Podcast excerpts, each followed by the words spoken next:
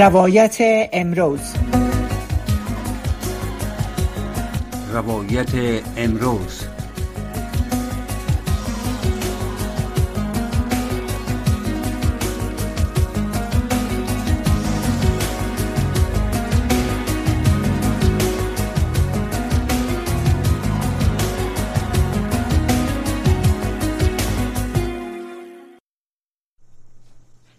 های عزیز سلام و برنامه روایت امروز خوش آمدین. آرزو دارم هر جا هستین ساعت و سلامت باشین برنامه ها رو ببینین و همچنان بشنوین. در برنامه امروز روایت امروز یک بار دیگر در رابطه به بازداشت مهاجرین افغان در پاکستان صحبت می‌کنیم. طبق اعلامیه کمیسیون حقوق بشر افغانستان که اکنون در خارج از افغانستان فعالیت داره. بازداشت های مهاجرین افغان پناهجویانی که به خصوص بعد از سال 2021 به پاکستان پناهنده شدن و دارای اسناد قانونی نیستند به شدت افزایش یافته و جریان داره و طبق معلوماتی که ما از مهاجرین افغان در پاکستان به دست آوردیم در میان کسانی که بازداشت شدن و زندانی هستند اطفال زنان هم شامل هستند. در رابطه از دو مهمان گرامی از پاکستان دعوت کردیم تا باز هم تجربه هایشان با ما شریک بسازن و بگوین وضعیت از چه قرار است آنها با چه مشکلات روبرو هستند. در برنامه امروز محترم رویا شیرزای با خود داریم که تفلکشان در زندان پاکستان هستند و اونا تجربه های خود با شما شریک خواهند کرد و همچنان ظاهر بهاند. یک مهاجر افغان که او هم تجربه های داره و تجربه های همکارایشان و همچنان مهاجرین را که در اوجا با مشکلات و زندانی شدن برخوردند قصه خواهند کرد. مهمانان عزیز در برنامه هستین. کدام یکتان در برنامه هستین؟ آقای بهاند و رویا شیرزوی. ما صدای شما رو دارم. بسیار تشکر از بسیار تشکر از حضورتان آقای بهاند. ما امروز برنامه را به مشکلات مهاجرین افغان در پاکستان اختصاص دادیم به خصوص بازداشت هایی که این شب روز جریان داره. لطفا تجربه هایتان چشم دید هایتان شریک بسازین. آیا بالا هم جریان داره ادامه داره بازداشت ها یا توقف یافته کن شده؟ چگونه است وضعیت؟ با مجلت اولا سلام از می‌کنم به شما و همچنان به شنوندگان محترم شما جایی که ما چند روز اخیر که شاید حال از این مهاجرین بدم وضعیت اخیر در پاکستان بسیار زیاد مهاجرین افغان نگران ساختن جایی که من خبر دارم و دیدم تعداد زیادی از مهاجرین افغان در حال حاضر در راولپینگی و اسلام آباد در زندان های گوناگون شبیرات خود اسپاری می‌کنن که خودش جای نگرانی از جای افسوس است که در بین یک مثل که شما دوری کردیم کودکان از خانماز هفت کوهن سالا خبرنگارا فعالان جامعه مدنی من به حال از این مردم مهاجر خود میسوزم و خاطر اکمالیزم حتی مستقل که شما یادوی کردیم. سر خانم شریزای باور کنید که ولچک و زولانه در دست پایشان است. آیا این در, در کدام قانون دنیا آمده که که یک طفل که سن قانونی خود پولا نکردن؟ شما یعنی حکومت پاکستان این گونه برخورد کنند وضعیت بسیار نگران کننده است و تا مکنون هم همین ادامه داره در این منوال ادامه داره نمیداریم که چی خواهد شد. نه در این راستا من می‌خواستیم بگویم که حقوق بشر سازمان حقوق بشر چرا تا به حال خاموشی اختیار کرده؟ در حالی که همین مهاجرین افغان ویزا به دست دارن بیشترشان حتی فیصدی زیادشون ویزا به دست دارن صرف برای apply کردن. اینا وقت پیدا نکردن وقتی که زیادترشان هم حتی apply کردن جواب به دست نآوردن پس چرا چنین حالت را بالای مهاجرین افغان آوردن؟ تشکر از شما. البته باید خدمت آگاهی به خاطر آگاهی شنونده ها و همچنان شما باید بگوییم که کمیسیون مستقل حقوق بشر افغانستان که هم اکنون در خارج از افغانستان فعالیت داره. البته امروز یک شنبه با نشر اعلامیه خواستار توقف بازداشت های مهاجرین و همچنان اخراج اجباریشان از پاکستان شدن. امیدوار هستم که این سر و صداها نتیجه بخش باشه و اما بازداشت ها توقف بیافته و به خصوص اخراج مهاجرین که واقعا فعالین حقوق بشر جامعه مدنی نظامیان پیشین و رسانه ها کارمندان رسانه افغانستان در اونها شامل هستند. دوباره برگشت دادن نفشوند و چون زندگی از اینا در خطر است وقتی بر بگردن. امیدوارم که این صداها نتیجه بده و به نظر شما چرا تشدید یافته بازداشت؟ چرا این بازداشت ها در یه هفته اخیر بسیار زیاد شده و با شدت پلیس پاکستان عمل می‌کنه و مهاجرین تعقیب و زندانی می‌کنه؟ من خودم شما من میگم من خودم من خودم معرفی نکردم من خودم ظاهر بهان هستم خبریار پیشین تلویزیون بنیادین افغانستان. من من حیث خبرنگار تا جایی که من خبر دارم تظاهرات اخیری که در پاکستان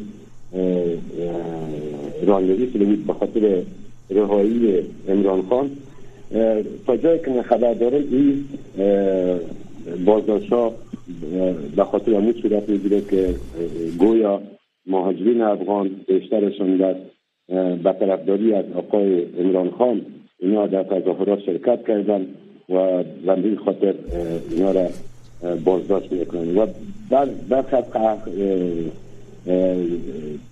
خبرهای دیگه موتی از این است که ویدیو اخیری که شما خبر دارین که از قمر جاوید رئیس ستاد ارتش پاکستان در فرانسه از یکی از افغانان ما گرفته بود. و او ویدیو جذبه شد در رسانه اجتماعی. مدخل باید بدونیم که میشه که امکان از آمد که به خاطر این بازداشت صورت بگیره. اما ما تا این حد در کشورهای دیگه به شکل که پاکستان برخورد می‌کنه با موضوع در کشورهای دیگه چنین کار نیست صرف میدین ریپورت می‌کنن اما اینا بدبختانه بدبختانه با مهاجرین افغان بسیار زیاد اطلاع رنگ میتن و در وضعیت بسیار دشوار اینا را قرار میتن که خودش یک قانون شکنی و نباید چنین کار صورت بگیره و شما بیشتر شاید بازداشت ها در کدام مناطق پاکستان هستین؟ بازداشت که در چند روز اخیر صورت گرفته بیشترشون در اسلام آباد و ساعت راوتینگی صورت گرفته و بیشترشون جایی هستن که به اصلاح افغانان به اون ساکن هستن و حتی تا جایی که من خبر دارم به این شنگید خودم حتی درها را میده کردن شکستاندن به خاطر از که در اینا داخل هستن افغان داخل هستن به کدام قانون میگه که در بشکنن به خاطر اینکه افغان داخل هست ما رو بازداشت کنیم چرا؟ یک خانم از دستش می با کدام قانون که از دستش محکم می‌گیره و این را بزرگ داخل موتر می‌کنن؟ آیا این کدام جرم بسیار بزرگی انجام داده. چی کرده؟ صرف ما ماجین افغان از افغانستان از دست طالب فرار کردن اینجا و که اینا اینا را پناه بدن. آیا پناه دادن به نیست شکل است؟ که غیر بده سیستم بده. آیا همین در کدام قانون است؟ ما خود چون قانون نیدیم آقای آقای بهاند شما را در خط باشین. سوالای دیگه هم از با شما راجع می‌کنیم. در رابطه به چشم دیدهایتان و تجربه هایتان از وضعیت بحرانی مهاجرین در پاکستان. بانو رویا شیرزای دخت هستن. ببینیم اگر وصل شده باشن می‌خوایم چشم دیده های از اونا را هم داشته باشیم چون این روزها سرگردان از زندان به محکمه میره از محکمه به زندان میره به خاطر های متفلکش. ببینیم چی چیزها را دیده چشم دیدهای بانو رویا شیرزای چیست. بانو رویا شیرزای در خط هستین دماستان فکر کنم وصل شد با ما. بله به خط بسیار خوش آمدین. تشکر از وقتتان و از حضورتان در برنامه. ما صحبت های با آقای ظاهر بهان داشتیم در رابطه با مشکلاتی که رخ داده برای افغان های پناهنده در پاکستان و گرفتاری های اخیر. شما اگر تجربه ها و رویدادهایی را که داره واقع, واقع میشه قصه کنین چشم دیدها و تجربه های شما چیسته؟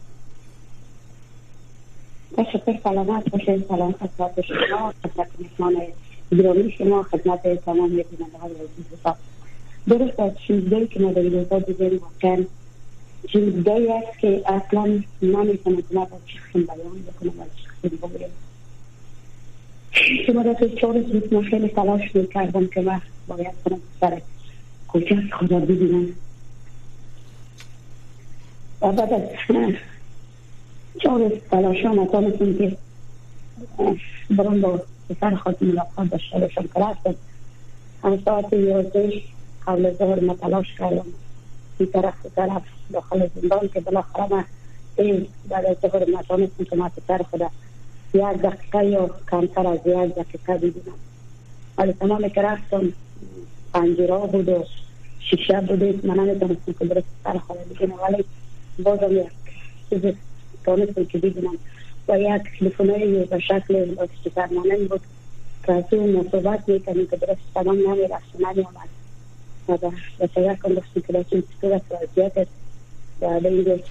ببخشین رویا شیرزای رویا شیرزای صدای شما را کمک درست نداریم. مگر بلندتر صحبت کنین و همچنان کمک جایتان تغییر بتین تا شنونده ها درستتر بدانن قصه هایی را که شما می‌کنین و صحبت هایی را که شما دارین. درسته درسته بله بله بهتر شد بسیار خوب من سالتون که پسر خود بعد از جالب تلاش و کمتر از یک دقیقه و که پنجره بود و شیشه بود و یک تلیفون های مانند که مانند بود که من از تانستم کماش از یک دقیقه کمتر صحبت بکنم و از وضعیت ملیش از تمام پرسانش کردم پسرتان چند سال است؟ پسرتان چند سال است؟ و چند روز میشه در زندان است؟ پسرتان 14 سال است و امروز پنج روز که زندان وضعیتش چگونه است؟ وضعیت صحیش خوب است؟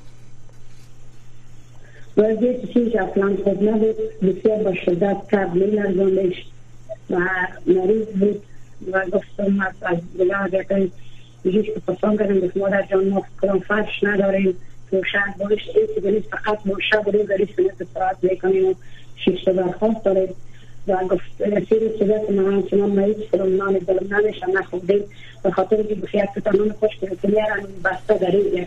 که مادر جان من نمی‌تونم خودم مریض است. و سکای شدید که گرچه که زمانه برای یک شب یک روز کرده بودن سکاش تماما زخم شده از اون سکاش تازه نزن چی به یک مادر اصلا متوجه دیدن می‌کنه در کدام قانون است؟ درست است. ما به قانونشون احترام داریم چون قانون از مویدت و نکرده میدیم خلاص شده وقتش تمام شده پسر شما را به خاطر از این توقف دادین یا حبس کردین که وقتی ویزش خلاص شده درست؟ و ویزش تمام شده میگه به خاطر این ویزه که ویزه تمام شده به فرما بردن و در کنون قانون است که طفل زمانه کن و ببرش به محکمه که طفل دیگتون خود هیچ کدام قانون نیست که طفل ببر زمانه کن یا شبیه به محکمه رو برید که من تازه ایالت می‌دونم در جایی که به شما قابل کامل برای مادر با محبسی که شما رفتین به خاطر دیدن پسرتان آیا دیگه اطفال از افغانستان بودن؟ اطفال زیر سن 18 سال یا دیگر افغان ها هم اونجا حضور داشتن بودن دیدین؟ چی از چشم دیدتان از دیگرها بله تمامش افغان ها بود طفل بود مرد بود جوان بود نوجوان بود همه کی بود. کل ما دیدیم که کسایی بود که کلش ریستفی که این خوب یکی از دوستان نزدیک دیدم که خودش تکلیف قلبی هم داره شکر داره ریستفی داره. و برش ویزا آمده ویزیش کپلای کرده بودن حتی دو روز قبل ویزیش آمده بود اما بازم امروز پنج روز که به زندان به سر می‌برن چه شما امرای مسئولین تانستین؟ گپ بزنین. چی میگن؟ جوابشان چیست شما که گفتین آیا تانستین موفق شدین؟ با کسی گپ بزنین. جواب اینا چی است؟ چرا خب مسئله ویزا خب یک تعداد زیاد است و اطفال چرا به خاطر این مسئله بازداشت می‌کنن؟ گناه اطفال اینجا چیست؟ شما جوابشان چی بود؟ نه امروی مسئولین شما به تمام صورت اینا خودشان پرسان کرد که چی جرمه طفل 14 ساله دارم من گفتم هیچ کنم جرم انجام ندادم. ما خودخور داریم تذکیره داریم قانونی از رای خمه آمدیم فقط جرم مویه که ویزی ما تمدید شده و مشکل اقتصادی داشتیم. نتانستیم که ویزا اپلای بکنیم. آیا شما نظرتان چیست که طفلک مرحوم میشه یا نمیشه؟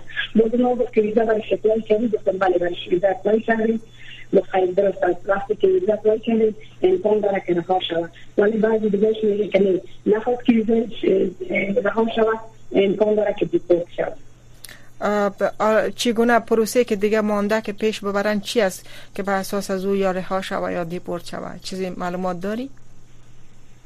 بله معلوماتی که ندارم. گفتم شما اگر token number از دسته UNHCR شما داشته باشید و ویزا اگر اطلاعی کرده باشید امکان داره. ولی ما مورد توکن نمبر هم گرفتیم ویزا هم اطلاعی کردیم.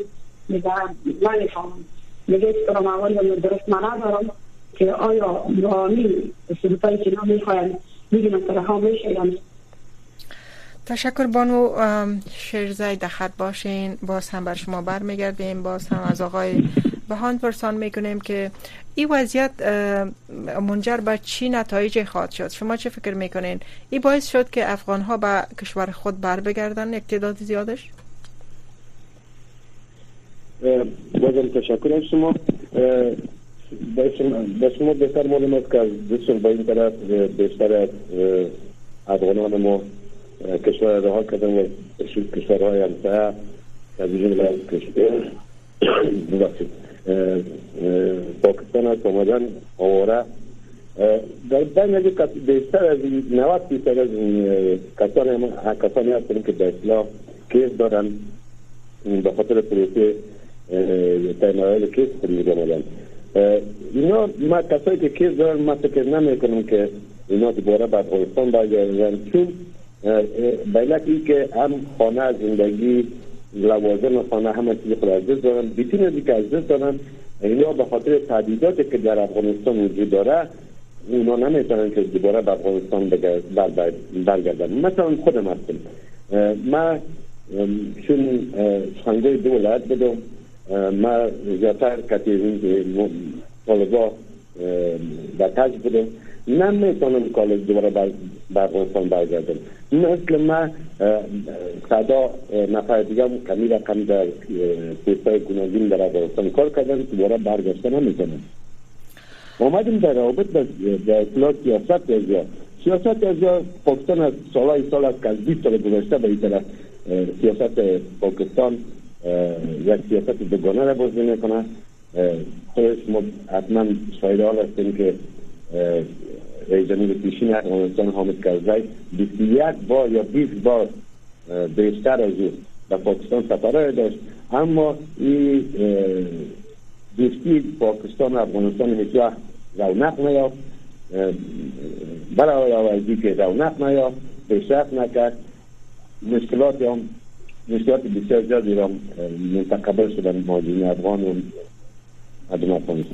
تشکر آقای آقای بهاند یعنی گزارش های وجود داره یا اما تبلیغات وجود داره که گفته میشه تعدادی از افغان های پناهنده یا غیر پناهنده با اسناد یا بی اسناد در مظاهرات اخیر در پاکستان سم گرفته بودن. آیا شما این گزارش ها را شنیدین تایید می‌کنین؟ کدام کدام مثالش دارین؟ بله. این چند نفر محدود انگوشنم های اگر به شما بگوین بله خبرهای وجود داره. بودن در بین از تظاهرات کسانی بودن که از فقر و ناداری در پاکستان دست پنجه نرم می‌کردن و در این آدم های روشنفکر وجود نداشتن. کسایی بودن که مردم بیچاره غریبه که در روزانه مردیکاری می‌کردن و کراچی سبزی فروشی میوه فروشی می‌کردن.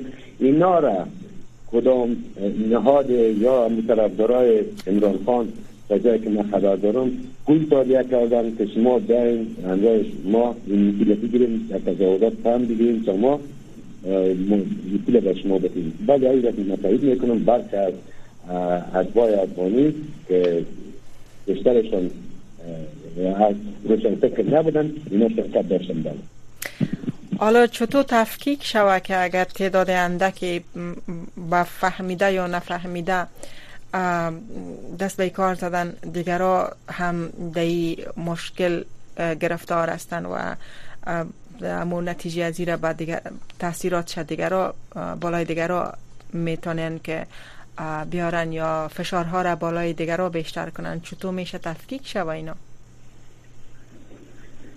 و شما بهتر است که بیشتر مداری که پاکستان جای نیست مثل مثل اروپا و آمریکا واره که قانون قانون باشه قانون شکنی بسیار زیاد از مثل در افغانستان. پاکستان از از جمله کشور شما گفتیم که چگونه تحقیق شود؟ تحقیق کردن از به نظر شخصی بسیار آسان است. یک آدم روشنفکر یک آدم باسواد یک آدم خبرنگار یک آدم مثلا دفتر باشه یک آدمی که در پوسته گوناگون افغانستان در ادارات گوناگون مختلف افغانستان کار کرده باشه هیچ وقت این کار احمقانه انجام نمیده. ما پیشتر یادآوری کردیم در این جمع کسانی هستن که از شعور و کلیتا آمده بودن به اسلام آباد به خاطر کاربار زیادترشان میوه فروش کراچیوان این مردم هستند. که اینا از او را او, رقم مردم اینا استفاده می‌کنن و استفاده کردن تا در تظاهرات شریک شوند. یعنی با امید یک روز پول, فکر کردن یک روز کار از دیگه درست و با زندانی بله. هایی که حالا در بند هستن چه فکر می‌کنین؟ چه برخورد میشه؟ اینا اخراج میشن یا محاکمه میشن؟ اگر محاکمه میشن چگونه است؟ معلومات دارین؟ چه میگن در رسانه ها و مقامات پاکستانی؟ ببینید من گفتم تاکید می‌کنم. من خودم همه روزا رسانه رو تاکید می‌کنم. چون خودم خبرنگار هستم.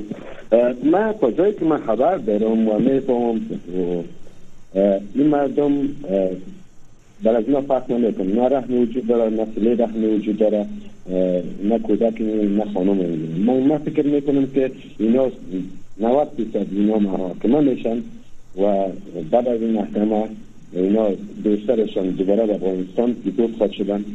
با وقت اینکه شکنجه شدن رنج دیدن گشنگی به گشنگی را تحمل می‌کنن اینا را دوباره deport خواهد کردن مثل خانم شزایی فرمودن کسانی که توکم دارن یا ثبت UNHCR هستن و apply کردن اونا یک فیصدی وجود داره یک فیصدی وجود خود داشته باشه که اینا را رها کنند دوباره. اما بیشتر از این مهاجرین که بازداشت شدن اینا دوباره به افغانستان فرستاده خواهند بسیار زیاد تشکر به خانم شیرزای تقریبا چهار دقیقه دیگر به آخر برنامه مونده از شما می‌پرسم که حالا که پسرتون هم در بند است نگرانی عمده حال چی است؟ رهاییش یا دیپورتش به افغانستان یا اخراجش باریش؟ خب نگرانی خود بیشتر است که اولا اگر اونها deport بکنن طوری که من آگاهی دارم اونا شاید از رای قانونی deport نکنن که رای تورخم است. از رای غیر قانونی deport می‌کنن که او هم بر پسر مه مشکل است. که 14 ساله طفل است که اگر از این مورد deport بکنن آیا که سرنوشت از چی شد؟ کدام طرف بره اگر دیپورت نکنن شاید نمی‌فهمم که چقدر وقت دیگه ای در زندان خواهد اگر در زندان هم حالت صحیح کالیم حالت روحیش ایچ اصلا درست نیست. شاید که در زندان مو بچی حالت باشه. اگر ای که رها کنن هم قدر درست معلومات نیست که نخواد که رها بکنن. اما نمی‌فهمم که سرنوشتی پسر ما چی خواهد شد. سرنوشت دیگه افغانای ما در میله های زندان چی خواهد شد که چقدر با وضعیت وخیم. اونا سر دچار هستن و شب روز خود به چی مشکل سپاری می‌کنن. و هیچ کس هم نیست که صدای از او بشنوه. و هیچ کس نیست که بالای از اونا اصلا رحم بکنن. وضعیتی که ما اونجا رفتم دیدم فکر نکنم که بالای از اونا کدام رحم ترحم می باشه میگم لطفا اگر کسی که صدای گفته میشه گزارش های وجود داره که در مقابل پلیس در مقابل پول بعضی ها را رها می‌کنن از بند. آیا از شما کسی پول تقاضا کرده؟ چنین چیزی در مقابل شما وجود داشته؟ چنین پیشنهاد یا شما چنین پیشنهادی را کردین به خاطر رهایی پسرتان؟ تجربه تان چیست؟ پول دقیقا که پول هم تقاضا شده که شخصا از خودمان تقاضا شده بود و به من گفتم که پول بیار. ما پول تانستم که از چندین کس جمعوری بکنم و برم بتم که پسر خود رها بکنم. که اون کس دیگه پشت از این قضیه دست داشت که او می‌خواست پول بگیره و برای خودش او را رها بکنه. که ما تا پولی را که جور کردم و خواستم که از خانه رکت بکنم که دوباره به ما تماس آمد که پسرتان بود به سارنوالی معرفی کرد که حالا نمی‌تونیم که ما اون را رها بکنیم. من مسلماندم و دیگه دوستایی را من شاهدشان هستم که از این بلاک های که ما خود ما زندگی می‌کنم که آقایان برد که دو تا شمیال هم زندانی است و دیگهش عصر رها شد. به دلیلی که یک لک کلدار برد تاویل کرد و خود رها کرد. او پول داشت خوشبخت بود که خود رها کرد. و کسایی که امروز پول بنان خوردن ندارن و چطور برن و پول بتن خود رها بکنن. که دست اساسیشان پول است. از شما چقدر پول خواستن؟ از من پول تا 20 هزار خواستن و من گفتم که من پول ندارم من قدر من خودم یک مشخور مردم پاکستانی هستم که من ماهانه ده هزار کلدار از صبح تا به عصر من کار می‌کنم من قدر پول ندارم و می‌تونم که من از ده هزار من بیشتر پول ندارم. که من گفتم درست از خیلی هم ده هزار تا من گفتم که ده هزار هم از همکارای جمعوری کرده بودم که می‌خواستم که برم بتم خیره که من پسر خود رها بکنم. اما متاسفانه که وقت به سالنوالی معرفی شده بود دیگه هیچ کدام راهی به من نبود. آیا خودت کدام کیس هم داری به رفتن به کشور دیگه به کشور سیومی؟ بله دارم کیست در کجا است؟ کیسم در امریکا است که من خودم خبرنگار بودم. 13 سال میشه که من خبرنگاری می‌کردم و من تهدید بودم که واقعیت است که به من دو دفعه از طرف طالبا اختاری آمد که من مجبور شدم که ترک به وطن بکنم و بخیزم بیای اینجا. و کشور امریکا از ما درخواست کرد که به کشور سیومی بریم که ما پاکستان انتخاب کردیم و این روز آمدیم که سرنوشت ما که سرنوشت هزارها افغان ما امروز خراب است. از نگاه روحی کسی سالم نیست از نگاه اقتصادی از نگاه امنیتی که یکم بیش اولان خوب بود که حالا وضعیت امنیتی با کلی خراب شده که هیچ افغان ما نمی‌تونه که بیرون از خانه پسرشان یا دخترشان یا خانمشان برن که میانی برن دفتن می‌کنن نمیگه بسیار متاسف هستم که دیگه وقت نمیته برنامه یاری نمی‌کنه که مشتاده های شما را بیشتر داشته باشم. آخرین لحظات برنامه است. تشکر می‌کنم از بانو رویا شیرزای و همچنان ظاهر بهاند. هر دو پناهنده افغان در پاکستان که چشم دیدها تجربه هایشان با ما شریک ساختن در برنامه روایت امروز. برنامه همینجا به پایان می‌رسه اما برنامه صدای شما را دقایق بعد به میزبانی مفوزی احسان و زیبا خادم بشنوین و ببینین. تشکر از شنونده های عزیز که در برنامه روایت امروز با ما بودن. وقت خوش داشته باشین.